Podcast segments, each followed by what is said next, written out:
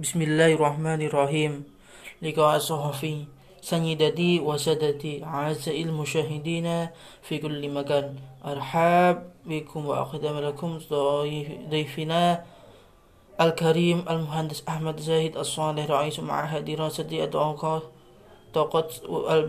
البديلة بماليزيا والذي تكرم بأن يعطينا الفرصة لنجري معه هذا الخيار على هامش مشاركته في مؤتمر وطاقة البديلة المنعقد حاليا بمقصد بمسقط.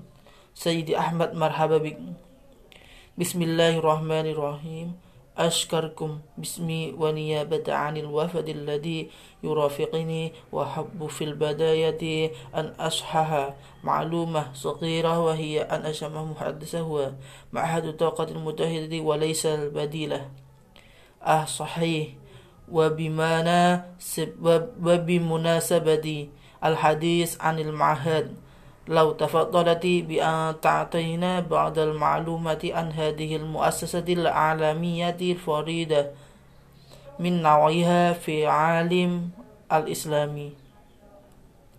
بكل سرور وكما يوضح الاسم فمعهدنا يقوم بدراسة حول مصادر الطاقة الموجودة في طبيعية طبيعية والتي تتجدد. باستمرار والتي يمكن استغلالها في تمني في التنمية والاقتصاد ومن أهم خصائصها.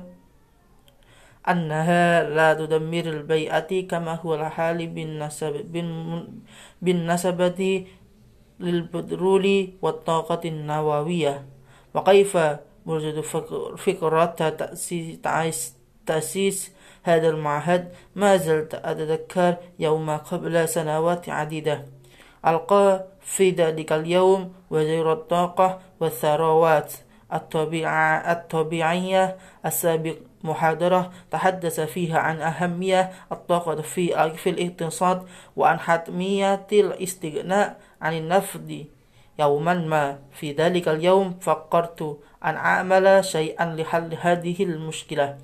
أخبرت زملائي بالفقرة وقررنا أن نبدأ فور فور بالعمل. ما هي أهم إنجازاتكم؟ وما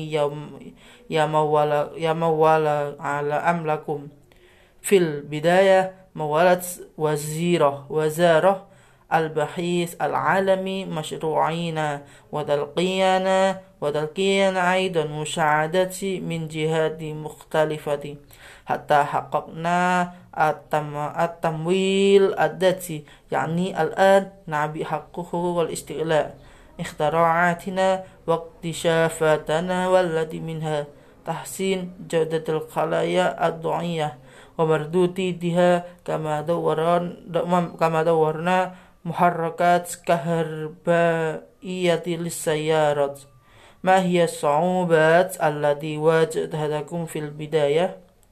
بصراحة كان المشروع سيد قبل سنوات ولكن تأخر موافقة والتمويل حال دون ذلك ماذا عن مشاريع المستقبل؟ ما زال الطريق طويلة وما زلنا في البداية ونحن نركز جهودنا الآن على تكوين أجيال جديدة من الباحثين والعلماء تساهم في استمرارية. المشروع وتضمن تفوق المعهد في هذا المجال. سيد أحمد نشكرك على هذه الجواب الشكر لكم.